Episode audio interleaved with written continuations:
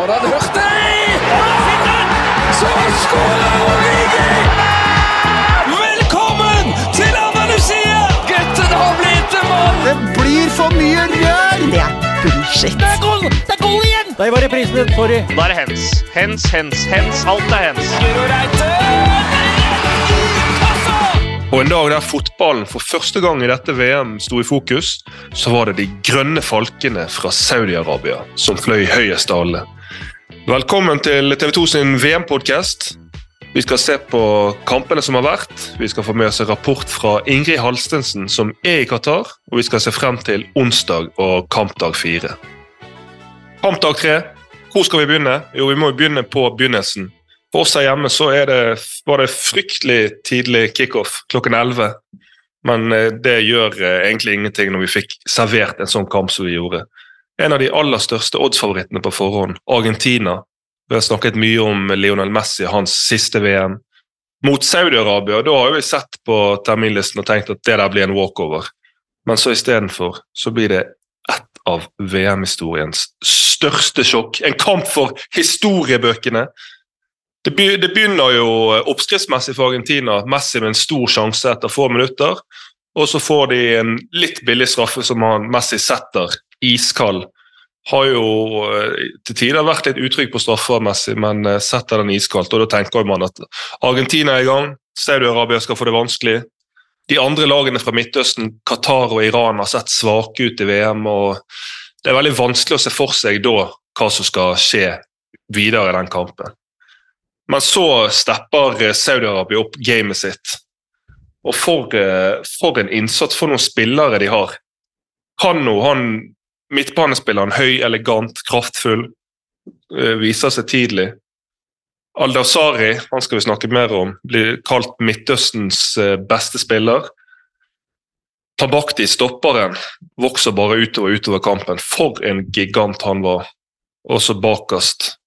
En av de villeste keeperopptredenene, i hvert fall i nyere VM-historie, fra en ganske, for de aller fleste, ukjent keeper. Otherwise heroisk.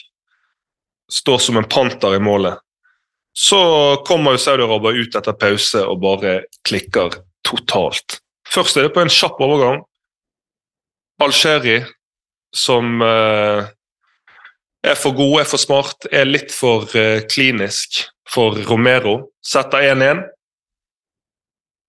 Og så går det faktisk bare fire minutter før det etter eh, litt klabb, babb og et nydelig nedtak av Al-Dazari drar seg forbi og bare smører den helt opp i krysset. Og den grønne delen av tribunen koker, og det gjør det nok eh, i veldig mange deler av den arabiske verden når Saudi-Arabia går opp i 2-1 over Argentina, og det resultatet står seg faktisk helt ut.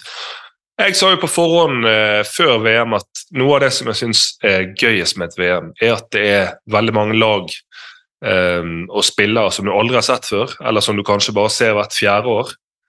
Før jeg begynte med research, så må jeg innrømme at jeg hadde ikke sett så eh, mye til Saudi-Arabia og måten de spiller på.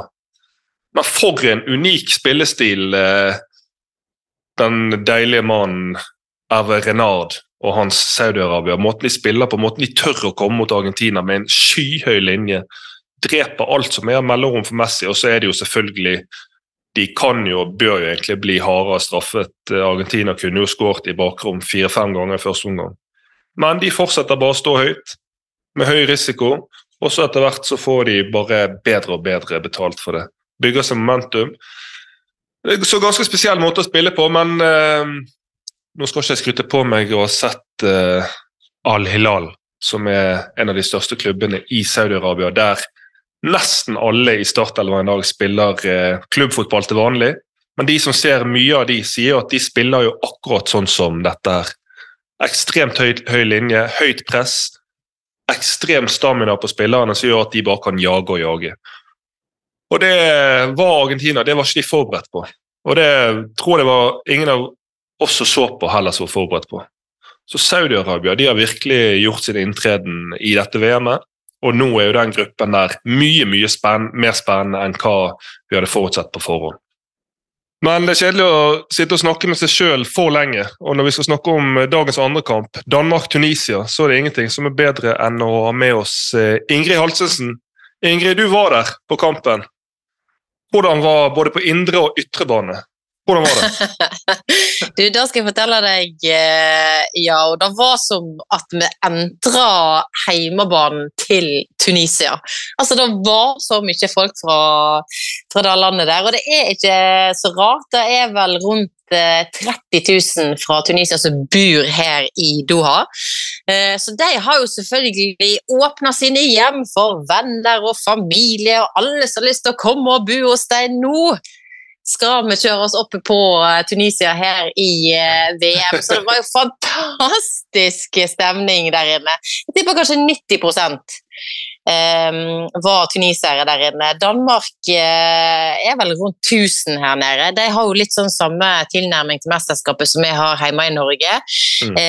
En del som boikotter, det er ikke så mange som reiser ned. Eh, men de var jo eh, super, danskene òg, selvfølgelig, når de, eh, når de, bidro med sitt. Men for å si det sånn, det var, det var mest stille på stadion når Danmark skårte det målet som de fikk annullert.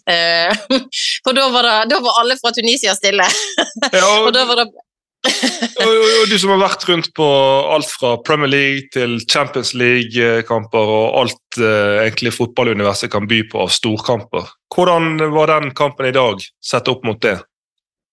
Eh, jeg vil si at eh, altså, Vi skal være litt forsiktige med å bruke litt sånn heksegryte om ting. Og, så, men, men, det var altså så trygt der inne på den, eh, den uh, stadion. Og uh, de, var så, de var så glade, de var så stolte. Det var så tydelig at liksom de koste seg når, når vi var ferdig med, med med det vi skulle gjøre av jobb på indre bane, så var det en, en, eh, en, mann som sto der med familien sin. Han hadde med seg en, en sønn som hadde da sovna oppe på, på skulderen hans. Og han hadde ei, ei jente med seg, kanskje hun var sånn fem-seks år gammel og kona si, og eh, han bare Ja, han har sovna nå. Det har vært litt masse inntrykk. Og hun eh, minste jente, og hun, hun begynte å grine fordi det var så, det var så intenst.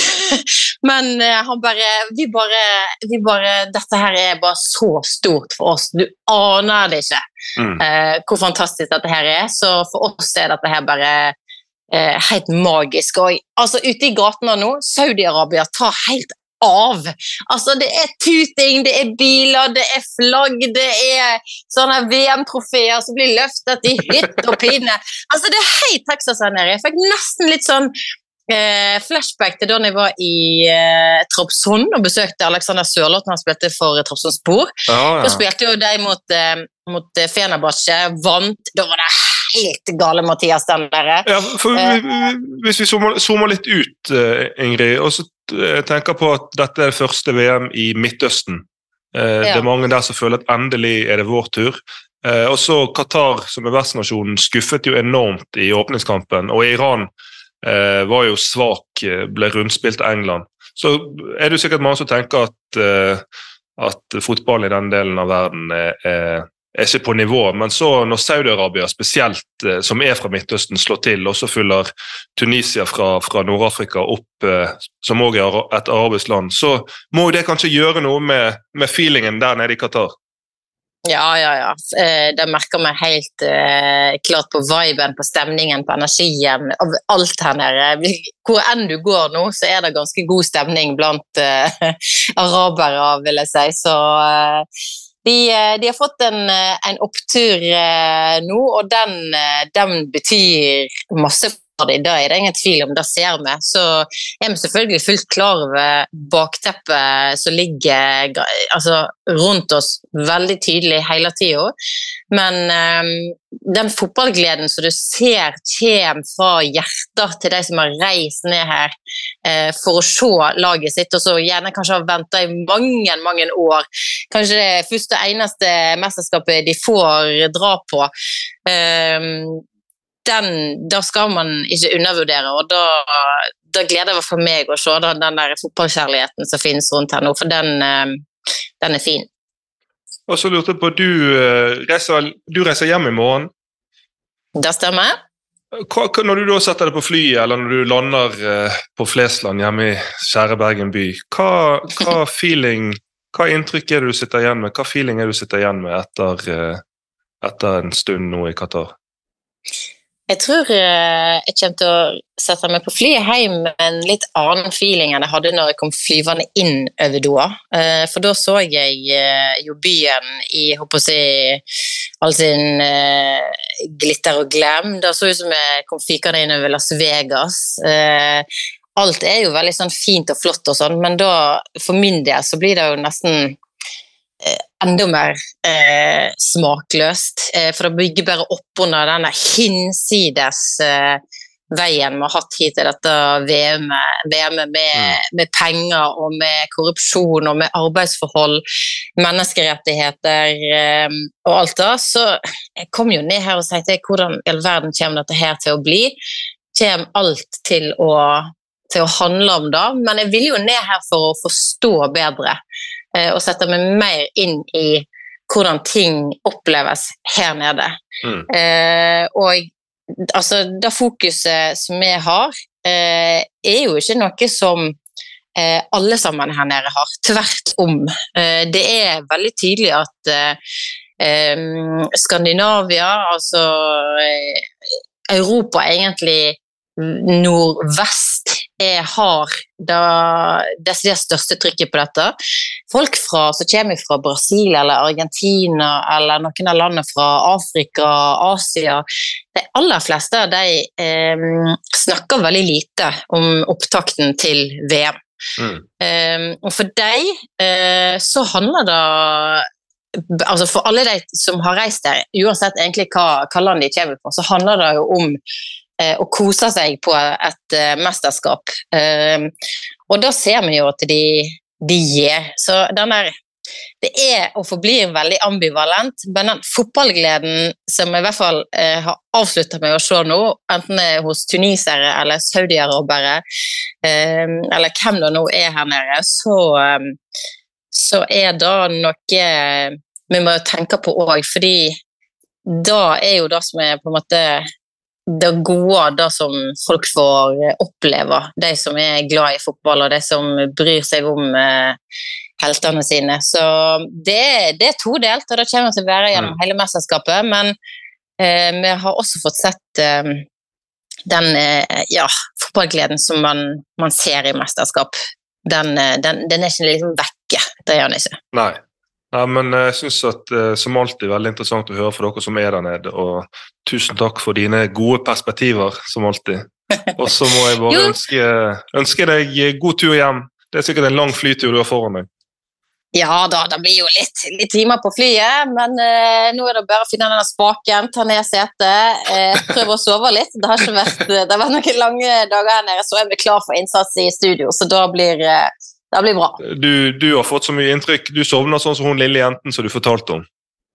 Ja, eh, jeg tror faktisk jeg kommer til å gjøre det. Jeg kommer til å sovne som en dupp etter, når vi legger på. Nei, men det er fint, Ingrid. Ja. Takk skal du ha. Da snakkes vi. Da gjør vi. Hei hå! Dagens tredje kamp det var Mexico-Polen. Og Det var ingen spektakulær kamp, men det skjedde noe oppsiktsvekkende. Nemlig at eh, Robert Lewandowski bommet i det 58 minutt på straffe for Polen. Når kampen da ender 0-0, så blir jo det utslagsgivende. Og hvem andre enn VM-legenden, legendekeeperen Guillermo Ochoa i målet til Mexico. Husker han var ufattelig god mot Brasil i VM 2014. Det er den 0-0-kampen i Fortaleza. Han elsker å spille VM, og reddet altså Lewandowski sin straffe. Og Robert Lewandowski sto før den straffebommen nå med en treffprosent på 89,9% Så all ære til Oshoa. Og i dagens siste kamp så endte Frankrike opp med å knuse Australia. Det offensive stjernegalleriet var etter hvert i full blomst. De kom jo under først, men så handlet alt om Frankrike og veldig mye av det om Kylian Mbappé. Han ser rett og slett sylskarp ut. Hvis vi ser fremover til eh, kampdag fire i morgen, så har vi noen kanoner der. Begynner med Marokko-Kroatia. Kroatia forrige VMs eh, finalist og Luka Modric sitt siste VM. Det blir spennende å se hva tilstand de er i.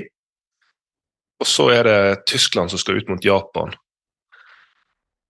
Tyskland under Hansi Flick har jo egentlig sett eh, formidabel ut, i hvert fall i perioder. Og så er det Twitch-streameren Luis Enrique sitt Spania som møter Costa Rica klokken fem. Både Tyskland og Spania-kampen går på NRK. Og så avslutter vi med godbiten på TV 2. Begynner eh, åtte. Belgia-Canada. Jeg er selvfølgelig tilbake inn i morgen, og da har jeg med meg ingen ringere enn Morten Langli.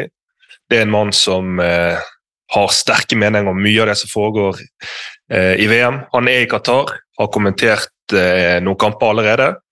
Og så mm, kanskje vi skal høre med Langli hva han tenker om at inn mot Portugal sin første kamp at Cristiano Ronaldo nå faktisk har fått sparken i Manchester United. Hvis du har spørsmål til meg, hvis du har spørsmål til Morten Langli, som er her i morgen, så er det bare å sende de spørsmålene på Twitter til 1-2fotballpod, to altså med et totall, så skal vi svare på de i morgen. Ha det bra! Så skårer Origi! Velkommen til Andalusia! Gutten har blitt en mann! Det blir for mye rør! Det er bullshit. Det er goal! Det er goal igjen! Der var reprisen din. Sorry. Da er det hens. Hens, hens, hens. Alt er hens. Guro Reite!